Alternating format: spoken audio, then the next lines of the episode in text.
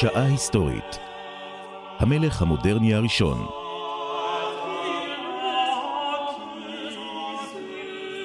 הפרופסור מיכאל הרסגור וליעד מודריק משוחחים על לואי ה-11.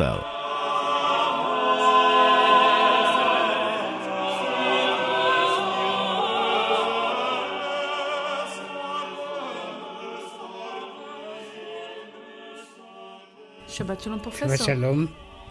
אני uh, אף פעם לא שיבחתי את החינוך הדתי. כולם מעידים. אבל החינוך הדתי של לואי ה-11 הצליח, מפני שהכמרים היו מאוד מאוד מושפעים על ידי מלחמת מאת השנים.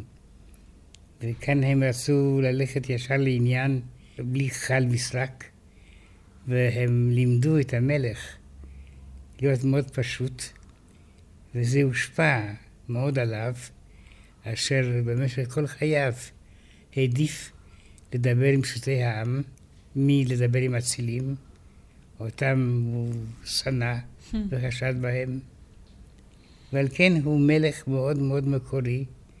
אפשר להגיד עליו שהוא המלך המודרני הראשון של צרפת, מפני שמה שעניין אותו זה היה למשל הכפלת הרווח השבועי של תושבים. תשמע, אני חייבת באמת לומר שלשמוע אותך משבח את החינוך הדתי ואומר שזו לידתה של המודרנה, זה משהו שלא חשבתי שאשמע בימי חיי. כן, יש סתירה. והסתירה היא חוק ההתפתחות החברתית, שציין מרקס, שלא היה דתי. מה אומר חוק ההתפתחות החברתית? שיש מאבק בין סתירות, ותמיד הסתירה המתאימה ביותר למצב מנצחת. וכאן היה דבר שנראה לנו אבסורדי, אבל הכמורה הגדולה היא זאת שבירכה על מלחמת מאת השנים, והכניסה בצרפת למערבולת טרגית. עכשיו קמה תנועה שלמעשה מבשרת את לותר, שעדיין לא קיים, והם רוצים פשטות ואחווה, והטקס הדתי הופך הרבה יותר אנושי, קרוב לאדם, וזה משפיע מאוד על הקתולים בצרפת ובאירופה כולה. למעשה, אנחנו תקופת של בשורת הרפורמציה, שתבוא כמה מאה שנה. בוא נמקם את עצמנו באמת מבחינת לוח הזמנים. אנחנו במאה ה-15. המלך נולד ב-1423. המלך לואי ה-11. כן. שלמעשה יתפוס את השלטון אחרי אביו, שעליו דיברנו בתוכנית שעברה, שרל השביעי. כן, אבל המלך הזה שאנחנו מדברים עליו היה בן ארבע כשהופיע ז'אן דארק, והיה בן חמש כאשר ז'אן דארק הצליחה להחתיל את אביו ברנס. ובאיזה גיל הוא היה כאשר הוא עלה לכס השלטון? הוא היה כבר גיל מבוגר, אבל מאוד מעניין שהוא בז לאביו. הוא חשב שהוא אביו אדם חלש, שנשלט כל פעם על ידי מישהו אחר. אנחנו זוכרים את הפרשה של עניה סולל, אהובתו, מותה הטרגי והמסתורי. והמסתורי שאולי הוא עצמו אפילו היה מעורב בו, וה... אני לא אומר את זה. לא, לא אמרת, אני העליתי את האפשרות הזו, ואיך יום אחר כך כבר הייתה לו אהובה חדשה. כן, ועל כן אפשר להגיד שהאהובה החדשה היא את האהובה הקדומה. כלומר, היא לא הייתה כל כך חדשה כפי שנדמה. כן, אבל אני חושב שהבעיה הזאת היא לא חשובה כל כך מבחינה היסטורית. מבחינה היסטורית, מה שחשוב זה שלמלך יש מנטליות חדשה. אבל הוא בז לאביו, אף על פי שאביו, שרל השביעי, הוא זה שבעצם ניצח את מלחמת מאת השנים. כן, אל תשכחי שהכינוי שהיה המשורת היטב. כלומר, המשרתים הם אלה שהביאו את הניצחון. המלך נגרר אחריהם, ולואי ה-11 בחן את זה בעין מאוד ביקורתית. ודרך אגב, הוא היה במצב יחסים מאוד גרוע עם אביו. כך זה נשמע.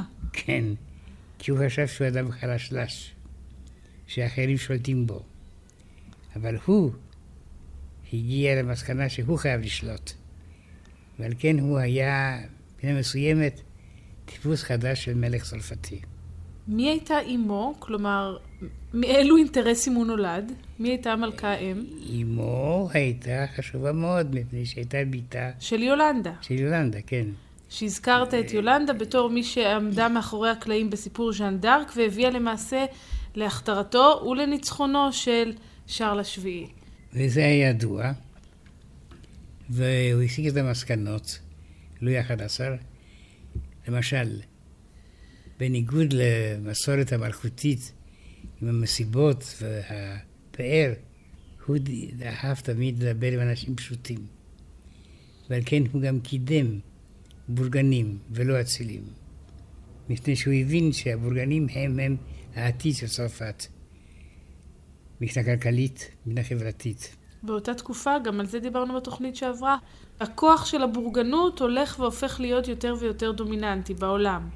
בדיוק, וגם האידיאולוגים, ארסו ונוטרדם ואחרים, הם בעד סולם הערכים הבורגני. מה שמעניין שהמלך לואי ה-11 קיים אוסף מכתביו, ולפי האוסף הזה אתה יכול לעקוב אחרי העצבנות וההקשבה בה הוא הקשיב למה שקורה בצרפת וההתערבות המתמדת שלו. דוגמה, אם כי בארמון שלו, לטור, היו אולמות גדולים מאוד, לא נערכה אף פעם מסיבה. מפני שהוא חשב שהמסיבות המלכותיות עם הפאר והשתייה זה מיותר. שזה נורא מעניין בהתחשב לאפיק שבו תלך המלוכה הצרפתית. הרי בסופו של דבר המלוכה הצרפתית תיפול בין השאר בדיוק בגלל זה. בגלל ההתנוונות המוסרית, הנהנתנות, החגיגות הרהבתניות שהם היו עורכים שם בוורסאי. ובכן, בלואי ה-11 אין ורסאי. כן, הוא עוד לא קיים. כן, לא קיים. והוא דואג מאוד להיפגש עם אנשים פשוטים. דרך אגב, כאשר הוא הופיע בקהל, אז הקהל נדהם. וההערה שנאמרה אז, ראויה להיזכר. הבגדים שלו אפילו לא שווים 20 פרנקים. למרעם. כלומר, היה ממש צנוע. כן, מאוד צנוע. אבל זה התקבל בהבנה על ידי מלכים אחרים, לא. האצילים במדינה שלו, לא, הרי זה. שובר את כל כללי המשחק. בדיוק. והוא, דרך אגב, היה אדם עובד. ואוסף המכתבים שלו מראה כיצד, מה הייתה הטכניקה שלו. היו תמיד 50 סוסים מוכנים בארמון. כן. והוא היה בא ללשכתו, וכשהיה לו איזה רעיון מיידי, הוא היה שולח מישהו על סוסו לאותו איש ורצה להודיע משהו. על כן אוסף המכתבים שלו הוא מעניין מאוד, אנציקלופדיה על המתרחש בצרפת. אבל במה הוא עבד? כלומר, מה הוא עשה? בכל זאת מלך. הוא היה מקבל דינים וחשבונות ומסיק את המסקנות. כלומר, הוא, בניגוד למלכים קודמים, היה מעורב בכל תהליך קבלת ההחלטות, כן, והוא היה מחליט דרך אגב. שלט בפועל. והסובבים אותו לא היו אצילים גדולים, היו בורגנים.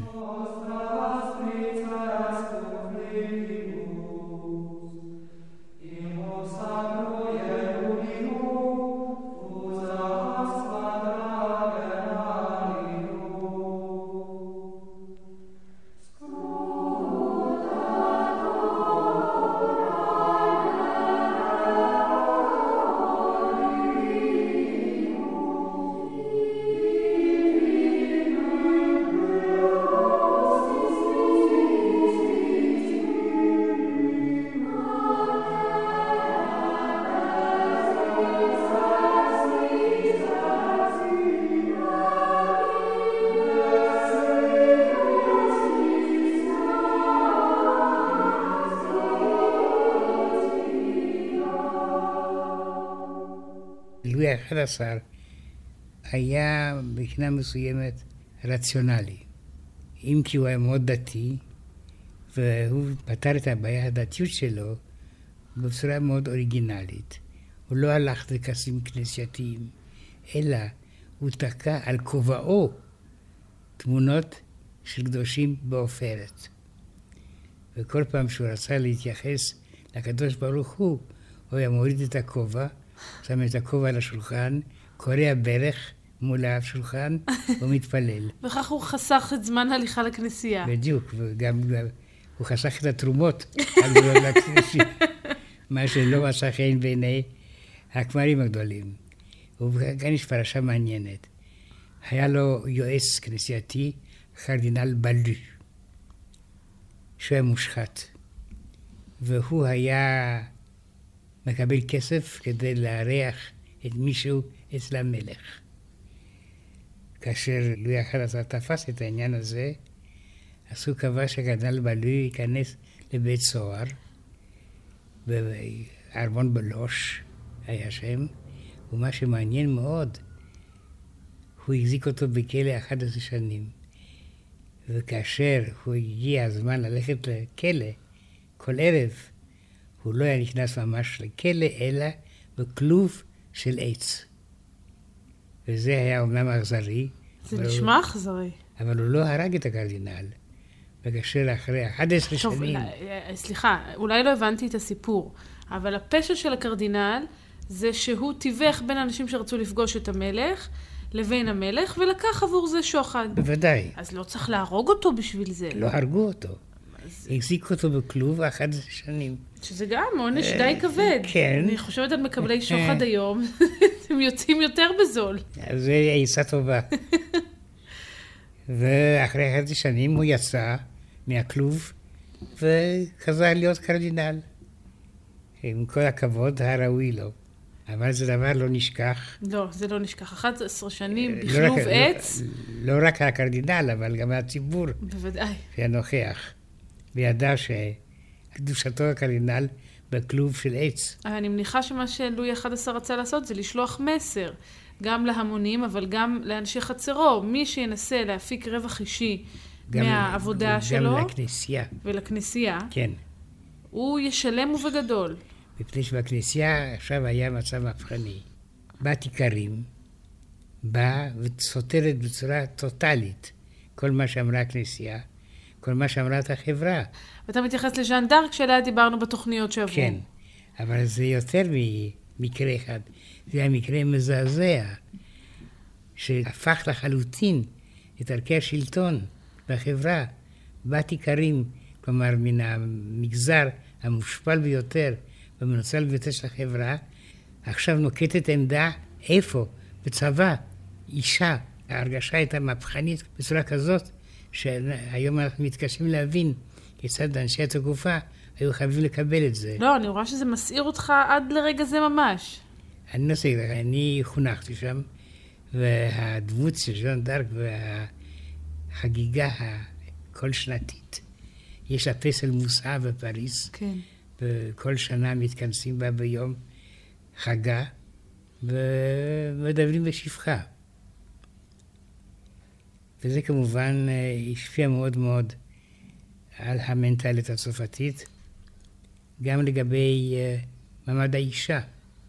אה, אחרי זה באנגליה התחיל המאבק על הזכויות הפוליטיות, אבל במעמד החברתי של האישה הרבה יותר גבוה בצרפת מבאנגליה. כן, אם כי, אתה יודע, תעודת העניות הגדולה ביותר של הצרפתים היא זכות ההצבעה, שניתנה לנשים רק בשנות החמישים של המאה ה-20. את מדברת על המאה ה-20, אני מדבר על המאה ה-15. ברור, אבל כן. אני אומרת שקשה להציג את צרפת בתור נושא דגל הפמיניזם בהקשר הזה, כי הם היו בין האחרונים שנתנו זכות הצבעה לנשים, זה לא נתפס שלפני זה 60 מבחינה- שנה אנשים לא יכלו להצביע שם. מה זה 60 שנה? כן, זה מבחינה, צודקת, מבחינה חברתית, מנטלית, אבל הייתה תופעה אחרת, שלא התחשבה בחוק, וזה המעמד החברתי של אנשים, כן. בעיקר מן השכבה העליונה, שהם למעשה היו מנהלות את המדינה. וכאן אה, אי אפשר להגיד שלא הייתה לאישה מעמד בצרפת.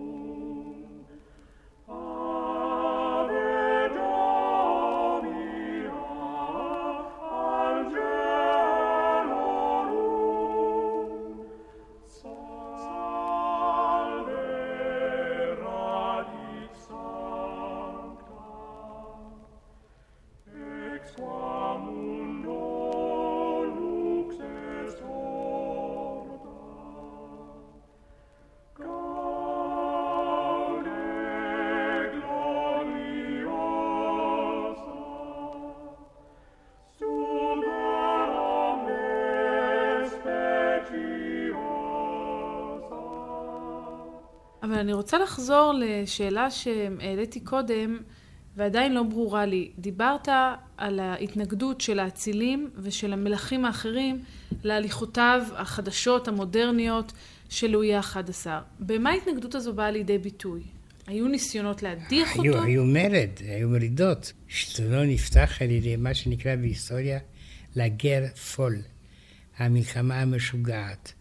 אלה היו אצילים גדולים, שלא מרוצים עם בואו של לואי ה-11 לשלטון, והם רצו לקבוע חוקים ולקבוע את זכויותיהם, כדי שהמלך החדש יקבל את זה. הוא השיב למלחמה הזאת במלחמה. הוא אסף צבא, כן. ואחרי קרבות אחדים, הוא ניצח את המלחמה המשוגעת. אז מה, הייתה מרד. ממש מלחמה מרד. של צבא המלך לא, בצבא לא. האצילים? לא, של לא צבא המלך, אלא של אצילים גדולים כן. נגד צבא המלך. והם לא הצליחו, מפני שהם היו מאורגנים, והם היו חסרי מוח, כפי שאמר המלך. ועל כן בהיסטוריה הפרשה הזאת נכנסה בשם המלחמה המשוגעת. אז הוא מדכא את המרד בכוח הזרוע כן. ובתקיפות. ואחרי זה למעשה ה... הוא קבע שהמלך הוא הקובע, ואי אפשר עם מלחמות משוגעות ואצילים גדולים. בנוסף לזה הייתה לו בעיה, הוא היה מאוד מודע לה. הבעיה הייתה דוכס בורגונדיה, שאל הנועז מדי. המילה תמרר מתורגמת בעברית לנועז, זה לא נכון. תמרר זה נועז מדי.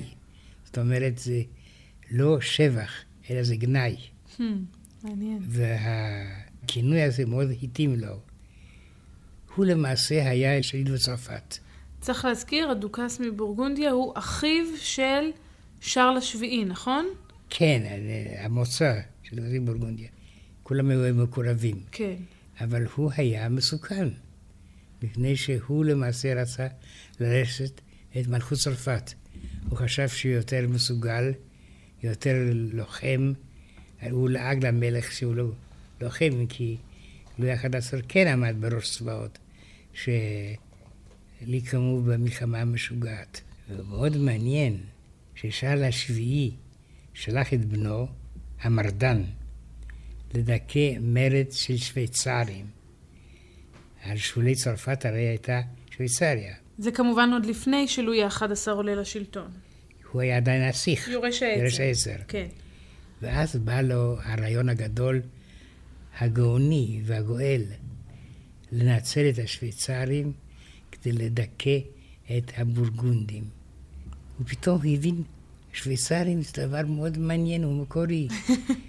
זה אגודה של איכרים, שבמאה ה-13 כבשו מעמד שווה לאצילים, והם הקימו מדינה מאוד מוזרה, לא לאומית, אלא תלת-לאומית, מורכבת מצרפתים, מגרמנים ומאיטלקים.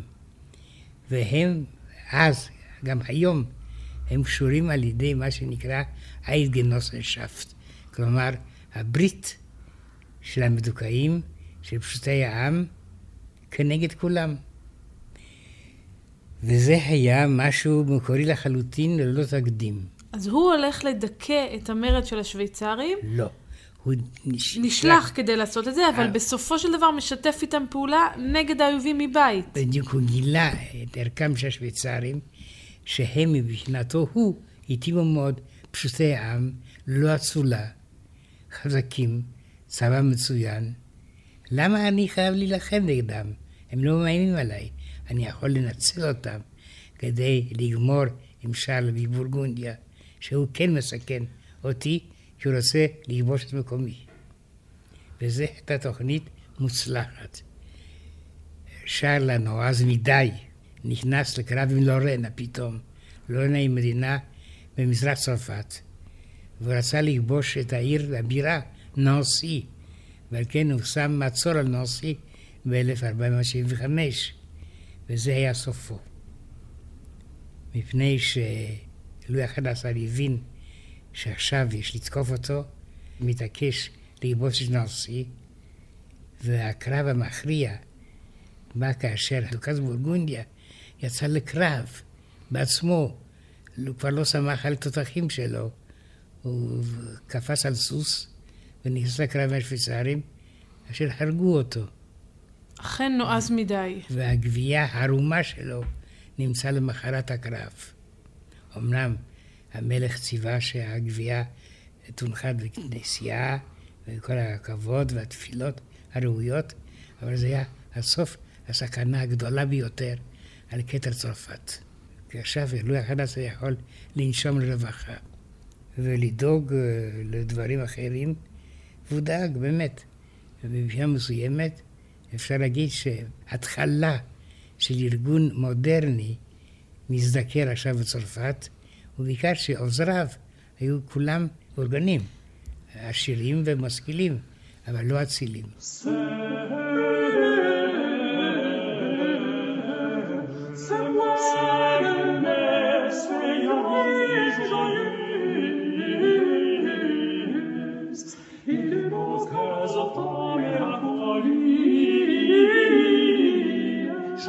chanson, chanson, chère vieille,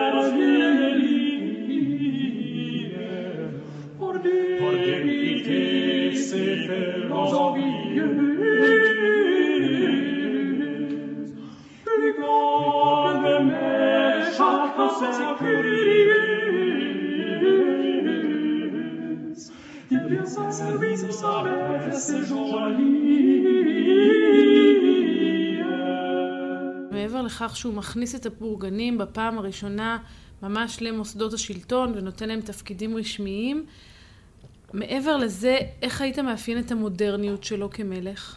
קודם כל, הרצון לגשת למטרה בלי כחל וסרק, בלי כל הדברים ההצהרתיים, המפוארים, אלא תמיד לדון מהו מקור הבעיה. וזה היה משהו חדש לחלוטין. הוא לא הושפע על ידי האצילים, הוא לא הושפע על ידי תואריהם, הוא לא הושפע על זכויותיהם המיוחדות. אז זהו, כן. לא היה אבל עיגון בחוק באותה תקופה של הזכויות של האצילים? לא היה נגיד מוסד של האצילים שיכול היה לכפות עליו את רצונו? האצילים הכריזו לעצמם שהם בעלי זכויות יתר, אבל המלך לא קיבל את זה. למעשה, היחס בין המלך לאצילים היה יחס של קרב. ושל מאבק מתמיד, אם כי לא רשמי. לא יפה ללחום את המלך, hmm. זה מרד. אבל יחד עם זאת, הם באו, אנחנו לא חייבים נגדך, אנחנו מגינים על זכויותינו. אתה חייב לעזור לנו, כי אוהבותיך כיבדו אותם. למה אתה תסטה מהם? אבל ללוי החדשה היה למעשה לועג להם. והמכתבים שלו, שנאספו וקיימים עד עצם היום הזה, זה תענוג גדול לקרוא אותם, כי רואים את קו הרציונלי הבלתי מושפע על ידי תשבחות וגם על ידי איומים. וכל הזמן יש לו מטרה אחת, לעשות את צרפת חזקה מבחינה כלכלית, וזה מה שמלכי צרפת בדרך כלל עד הנרי הרביעי שאמר שכל עיקר חייב לאכול לפחות פעם בשבוע תרנגולת.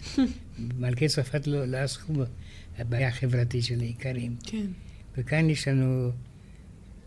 אה, האמת היא שהדבר לא נמשך מפני שכאשר מת לואי ה-11, הבן שלו היה קטין, שרל השמיני, והיה מושפע על ידי צילים.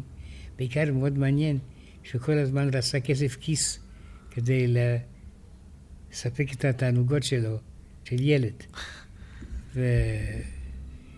ומה שכן היה מעניין מאוד, שכאשר לואי ה-11 הרגיש שסופו קרב, כן. אז הוא מינה את ביתו, אישה, להיות האוצרת. היא הייתה נשואה לדוכס בורבון, אבל לבן צעיר של הבורבונים, כדי שלא יהיה מתחרה למלכות. והיא, לפי דעתי, הייתה שליטה מאוד נבונה, ושמרה על השלטון ללא מרידות, לא דיכוי, אלא בצורה שלווה. כלומר, מכיוון שהבן, יורש העצר, היה עדיין צעיר מדי, הוא למעשה ממנה את בתו שתהיה שליטה בפועל עד שהבן יתבגר ויוכל כן, לקבל על עצמו את הכתר. עכשיו אני רוצה לקלקל את הרושם שיש לך על לואי ה-11, כשהוא אמר, כל הנשים משוגעות. זה מה שהוא אמר? כן, הבת שלי פחות משוגעת. איך הוא באמת היה מבחינה רומנטית? הוא גם היה, המשיך בשושלת המאהבות? הפרק הזה הוא די מוזר. כשהוא היה בן 13, כן. אילץ אותו אביו להתחתן. בגיל 13? כן. זה היה מקובל אז? כן, עם בתו של מלך סקוטלנד. כי אוקיי. הייתה ברית בין סקוטלנד לצרפת נגד אנגליה. והבת הייתה בת עשר, או-אה. שהייתה אמו של שארל השמיני. אני מאוד מקווה שהיא תהיה אימו בעתיד הרחוק, ולא בגיל עשר.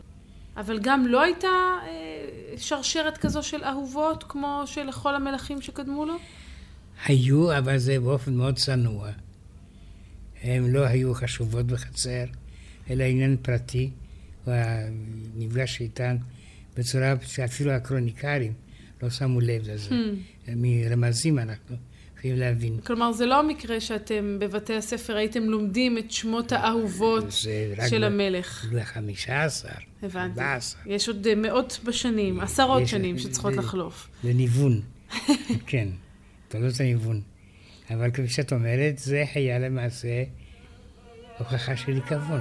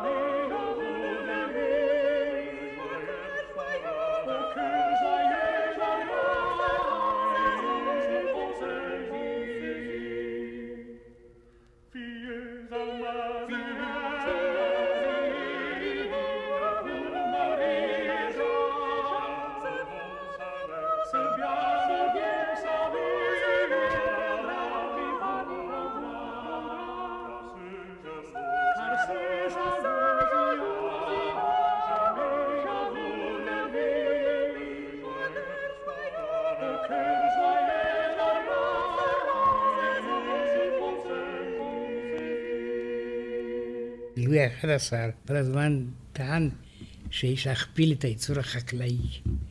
כלומר, מה שמלכי צרפת אף פעם לא התעסקו חשבו. בזה בכלל. לא, לא. אז מאיפה זה מגיע אצלו?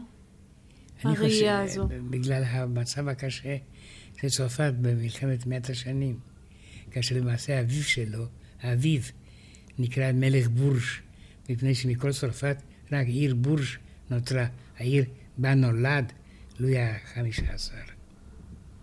עיר במרכז צרפת. אז צרפת, אף על פי שבסופו של דבר היא המנצחת במלחמת מאה השנים, יוצאת בסוג של ניצחון פירוס. כלומר, היא יוצאת כשהיא עם הפסדים גדולים מאוד מבחינה כלכלית, מבחינת שטח. כן, אבל דבר אחד מעניין מאוד. לואי ה-11 הבין שאנגליה הפסידה, שאנגליה לא מסוגלת לעמוד במלחמה הזאת שנמשכה כבר מאה שנה למעשה, המלחמה נמשכה 116. בדיוק. ועל כן הוא היה מוכן ללכת לקרב אחרון. כשהוא ארגן את הצבא שלו, היועץ שלו, קומין, שהפך לאחר זאת היסטוריון מפורסם, הוא שאל את המלך, למה יש לך צבא גדול כל כך? והתשובה הייתה, כדי לא להשתמש בו. Hmm. ולמעשה זה היה הקו.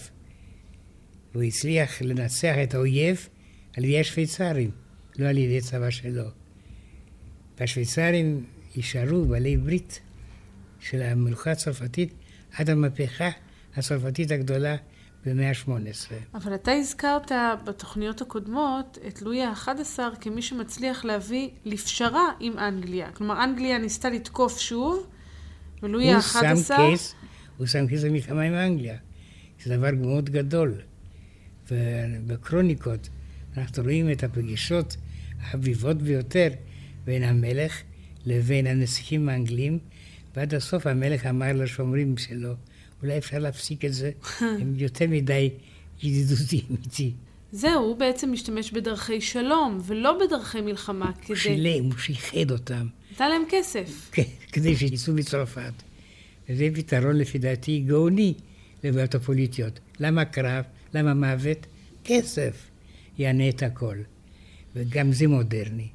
מבחינה זאת הוא לא היה אביר, הוא לא רצה לנצח באופן מהולל כדי שיזכירו אותו כגיבור. הוא רצה שהאנגלים יסתלקו, היה מוכנים לשלם להם. ואני הזכרתי שהמלך האנגלי, אדוארד הרביעי, ברגע מסוים אמר למלך, הם ניהלו משא ומתן, כן. ואני הזכרתי שהשושלת האנגלית הייתה צרפתית במוצאו, ועל כן הם דיברו צרפתית פלואנטלי, מהמם. כן. ואמר אדוארד הרביעי, מה יגידו באירופה? על זה שאנגליה נכנעת בעצם לצרפתים. ש, שאתה קונה אותי. אז אמר המלך הצרפתי, לא, חלילה, יגידו שאני מעלה לך מס, שאתה מנצח ואתה הכרחת אותי לשלם לך. אז לא היה אכפת לו למחול על כבודו, העיקר להשיג המטרה. שקט, שלום. בדיוק. ומבחינה זאת, המנטליות היא מודרנית. כן, אם כי קשה לומר שגם בעת המודרנית אה, מנהיגים רבים הפנימו את העניין הזה. אם כולם היו פשוט סוגרים את הסכסוכים בדרכי שלום, משלמים כסף, העולם שלנו היה הרבה יותר נעים לחיות בו, אני מניחה. אני רוצה שבבחינה מסוימת, הטכניקה הפוליטית ירדה, התנוודה מאז לואי ה-11. לא למדו מספיק ממנו. הייסורים הצרפתים רגילים לפאר של מלך השמש, לואי ה-14, שהוא באמת היה מקרין על כל אירופה, והארמון בוורסאי היה דוגמה. דרך אגב, הארמון של לואי ה-11 הוא מאוד עלוב. היום הוא קיים עדיין, פלסיליטור, ובכלל לא ארמון, זה בית גדול, בסך הכל. מבחינה זאת גם כן, יש כאן גישה לגמרי אישית וחלוצית, הייתי אומר. כן, הוא נשמע באמת מישהו שמרד בכל המוסכמות, ובמקום ליהנות ממנעמי השלטון, פשוט עשה את העבודה, קם בבוקר כדי לעבוד בזה, להיות מלך צרפת. בדיוק. את צודקת מאוד, ועל כן עד היום היחס שלו הוא לא כל כך ברור בצרפת. אמנם מה שאמרנו כאן ידוע, אבל חושבים גם שהיה פחות מדי מצהיר, פחות מדי מפואר, פחות מדי מנצח, אם כי הוא ניצח בכל המטרות שלו. כלומר, ההמונים בכל זאת רצו את המלך שלהם. אני לא אומר את זה, אני מדבר על היחס בכיתה. כשהמורה היה מסביר, כן. היו ילדים שאמרו, כן, אבל זה לא מפואר, מה שם, בארמון שלו, ללא מסיבות, ללא הצגות, מה זה כאן? הם עשו פאר, מלך אמיתי. בדיוק. הם קיבלו אותו את המלך האמיתי לואי ה-14, שהוא הפך לצרפת למדינה קטנה ועלובה. אמנם ורסאי הייתה בירה של פאר ועדיין קיימת, אבל התוצאה הייתה שהמהפכה הצרפתית, דרך אגב, את יודעת מה אמרו בפריז באותה תקופה? האנגלים, אתם לא אויבים שלנו, כי אתם מבינים מה זה מלוכה. מדוע? האנגלים הוציאו להורג את מלכם צ'ארלס הראשון, בימי קרומוול. למה? הייתה מהפכה באנגליה. ועכשיו הצרפתים, שהם מתכוננים למהפכה, פתאום מגלים שיש להם חלוץ באנגליה, שהתיזו את ראשו של צ'ארלס הראשון. כשאנחנו מתכוננים להתיז את ראש לואי השישה עשר. אבל אני, בכל זאת, אולי זו רק הבורות האישית שלי, אבל כולם מדברים כל כך הרבה על המהפכה הצרפתית. מה היה שם במהפכה האנגלית? הרי המלוכה עדיין שרירה וקיימת באנגליה. עדיין, אבל הייתה תקופה כשאנגליה הייתה ריפובליקה, commonwealth, ואוליבר קרומוול היה לורד פרוטקטור, הוא היה לורד המגן על הרפובליקה. ומאוד מעניין שאנגליה הייתה ריפובליקה לפני צרפת. ואיך המלוכה חזרה לשלטון? קודם כל הרפובליקה הסתבכה בכל מיני בעיות צבאיות וכלכליות, ואז פתאום גילו בלונדון שבנו של המלך שהתיזו את ראשו, צ'ארלס הראשון, קיים באיזושהי פינה בבלגיה, וזה צ'ארלס השני. ואז שלחו משלחת ואמרו לו, אתה לא רוצה לחזור? הוא אמר, כן, אבל בתנאי... שלא יתיזו את ראשי. לא, כסף, כסף. אה, נו כן. הנה, הכסף שוב מניע את העולם. כן, מה את רוצה? והאנגלים הבינו את זה טוב מאוד, זה עם של סוחרים. ואז הוא חזר, והמלוכה האנגלית התחדשה. נמשכה עד עצם היום הזה.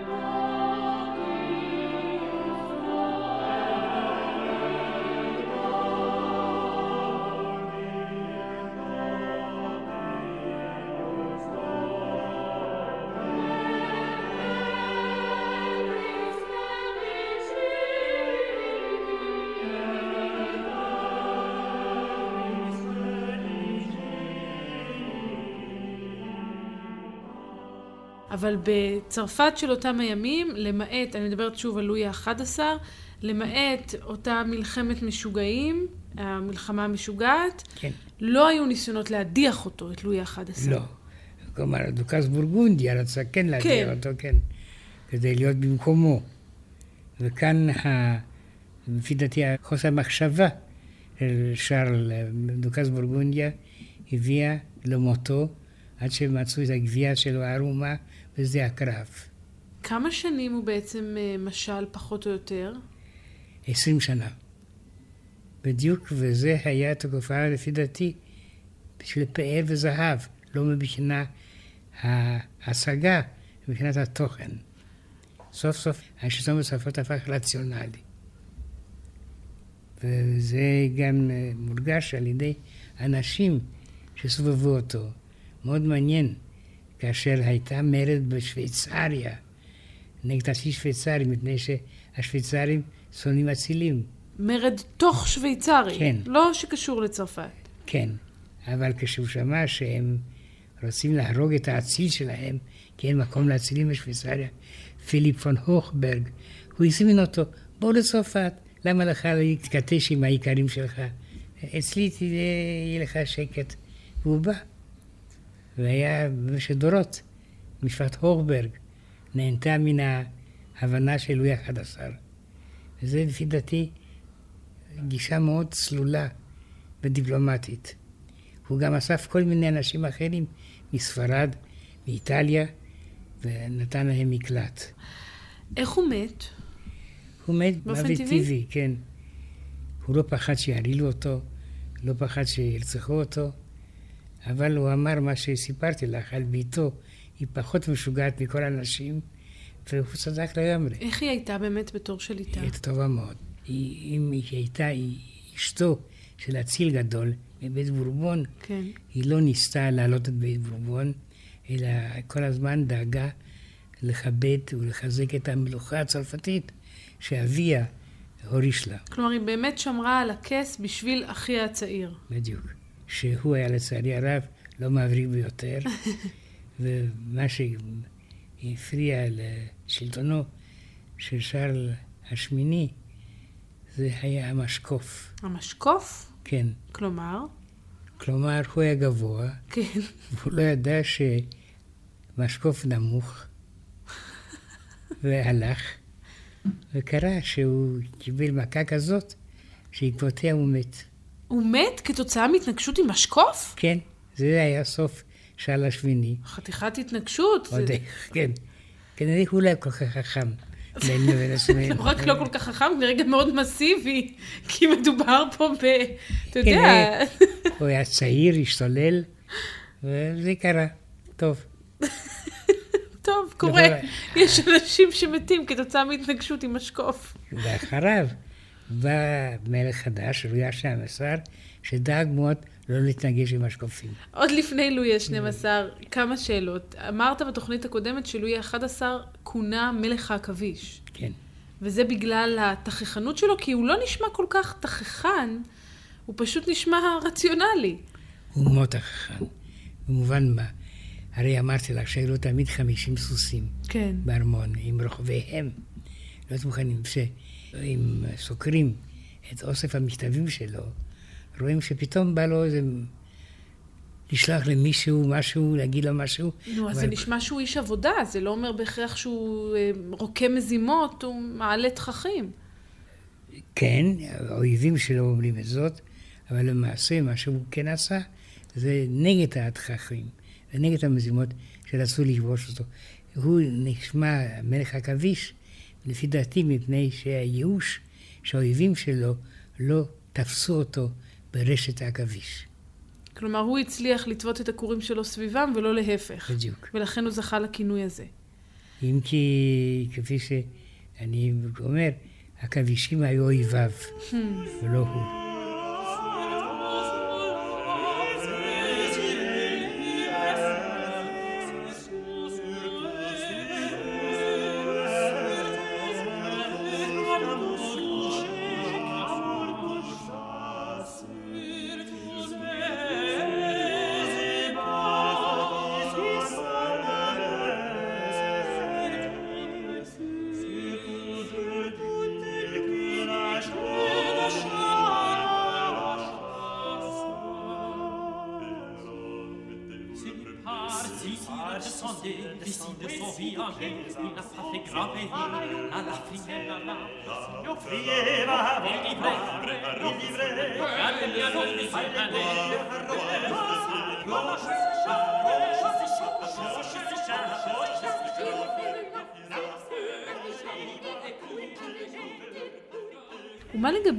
הבת שלו? אמרת שהיא הייתה שליטה טובה. ב- בצרפת לא ניתן היה... אה, ל- החוק הסאלי קובע שאישה לא יכולה לרשת את הכתר. ככה היא ידעת. בניגוד לאנגליה, הרי באנגליה יש לנו כן. שורה ארוכה של מלאכות. אני לא יודע שזה כל כך טוב לאנגליה, אבל מילא. למה? אה, אליזבת. כן. היו כמה היו גם כאלה שאפשר כמה. לשאת אליהן עיניים. בסדר, גם היו גם כמה מלכים גרועים. זה נכון. אנחנו לא נכפיש עכשיו את ציבור הנשים. חלילה, חלילה. דרך אגב, זה מעניין אותך. היום יש גם כן טוען הכתר. היום? בצרפת, כן. הוא אזרח פשוט, כן. אבל הוא יורש המלכים, ויש לו קבוצה של כמה מאות אנשים שרוצים להחזיר את המלוכה. והוא היום בצרפת? כן, כן. הוא הפתיע, והתואר שלו זה הרוזן של פריס. הוא הבטיח שאם הוא יגיע לשלטון, הוא אף פעם לא יגיע, אז הוא יבטל את החוק הסאלי, ואז הוא ייתן לנשים לשלוט על צרפת. מה מקורו של החוק הזה? זה בימי הפרנקים, כלומר, הכובשים בימי הביניים המוקדמים. הם לא רצו שהכתר ייפול בידי אישה שלא מסוגלת להגן, לארגן את הגנת המדינה. זה היו ברברים למעשה, אנשים מאוד פרימיטיביים. על כן הם התנגדו, ל... הפרימיטיביים תמיד מתנגדים לנשים ולשלטונן. ולא היו ניסיונות אה, מאוחרים יותר לבטל את החוק הזה? לא. אם כי היו רגעים מאוד קריטיים, כאשר אמרו, אבל אתם חייבים להכתיר את האישה, כי המצב הוא מחריד. כן. התשובה הייתה תמיד לא. לא. היה להם אפילו מלך בן שנה, בן שנה, כן. ואמרו, אבל יש לו אם. בהחלט. כן, אבל גדולי המדינה אמרו לא. האם לא תהיה מלכה, הוא יהיה המלך בן שנה, אמנם הוא לא ישלוט, אבל הוא יהיה אפילו סמל. בצרכיו הוא לא ישלוט. כן. אבל הוא יהיה סמל. ז'אן הראשון, דרך אגב. מתי זה היה? זה היה במאה ה-14. וכך בעצם נמשכה השושלת הגברית הזו, ואתה אומר, הנה הדוגמה של בתו של לואי ה-11, ששלטה בפועל תקופה מסוימת, עד ששארל השמיני היה מוכן לכאורה לשלטון. מתי באנגליה מתחילים למעשה לאפשר לנשים אה, למלוך, להיות המלאכות בפועל? כל הזמן. לא היה חוק סאלי, הם לא היו פרנקים. ועל כן זה לא היה קיים בעולם הרוחני שלהם. על כן הם זכו לסדרה של מלאכות שהיו גם גרועות, אבל גם טובות ומעניינות, כמו אליזבת הראשונה והיסטוריה הראשונה, ואני לא רוצה להוסיף אליזבת השנייה. אז נשאיר את אליזבת השנייה בצד, אבל לפני אליזבת, מרי טיודור, היו אה, דוגמאות לנשים שמלכו, או שבעצם אלה היו הפעמים הראשונות בהיסטוריה? כפי שאת צודקת, פשוט בימי הביניים לא שמו להם לב וטשטשו את הזכויות שלהם לשלוט. אבל המלאכות שאת הזכרת אותן, הן מאוד חשובות, והן קרובות, והן מובנות, ואליזבת הייתה, לפי דעתי, האחת שהחזיקה מעמד באופן מפואר. כן, ועד היום יש עליה כן. הרבה מאוד הערצה, סוף סוף היא המלכה וספרים, סרטים. של שייקספיר, אל נשכח. בוודאי. אז באנגליה היו גם מקרים שבהם המליכו אה, תינוקות אה, צעירים, זה ילדים תמיד, קטנים? זה תמיד תמיד זה. קרה. אם יורש העצר בן שנה או שנתיים, הוא המלך, הוא המלכה. ובכן, באנגליה היו מקרים רבים, כאשר הכתר התגלגל על ראשו של תינוק או של ילד צעיר, אבל תמיד נמצאו יועצים אשר הלכו בשמו והעלו אותו על גובה, אבל הוא, למעשה הם שלטו ולא הוא. ועל כן אה, המלוכה תמיד פתרה את הבעיות שלה. וזה לא היה משהו אבסורדי, כפי שלפעמים דומה לנו, בתקופה שלנו. רוצה להזכיר פרשה מאוד מעניינת. לצרפת היה מלך שנקרא ז'אן לבון, כלומר ז'אן הטוב, מפני שהוא היה רע מאוד. מפני שהוא היה רע מאוד. כן, מלך רע מאוד. כן. מתי? זה במאה ה-14. והוא נפל בשבי האנגלים. ושבי של מלך זה קטסטרופה כספית, חייבים לשלם כדי לשחרר אותו. ואז מה עשו הצרפתים? לא הייתה להם ברירה. ואז הם הדפיקו מטבע, השם שלו היה המלך החופשי. כלומר, האזרחים ישלמו ואנחנו נשחרר את המלך. חופשי זה נקרא פרנק, כן. וזה לידת הפרנק. מעניין. כן. מה זה פרנק? פרנק זה חופשי. כמה את נשלם לי? למען מה? למען המלך שלנו, ז'אן השני. תנו כסף ונשחרר את המלך. וככה זה קרה. שלמו לאנגלים תשלום אסטרונומי, וז'אן השני, שלא היה חכם גדול, חזר לצרפת, לרעתה של צרפת בינינו לעצמנו. אז הנה, יש גם מלכים, גברים רעים בהיסטוריה, גם האנגלית וגם הצרפתית. בדיוק. ובזאת אנחנו בעצם חותמים את התוכנית שלנו על לואי ה-11, שלפחות לפי התיאורים שלך נשמע כאחד ממלכי צרפת הטובים ביותר. לפי דעתי, הוא היה המלך הטוב ביותר. מכולם.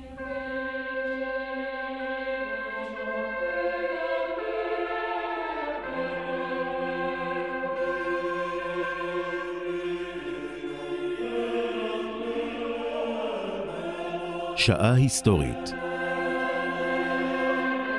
המלך המודרני הראשון. הפרופסור מיכאל הרסגור וליעד מודריק שוחחו על לואי ה-11. עורכת דרור שרון. ייעוץ מוסיקלי עמליה רוזן. ביצוע טכני אופירה יעקב, עידן סביליה, אלון בורנשטיין ועידו פוזננסקי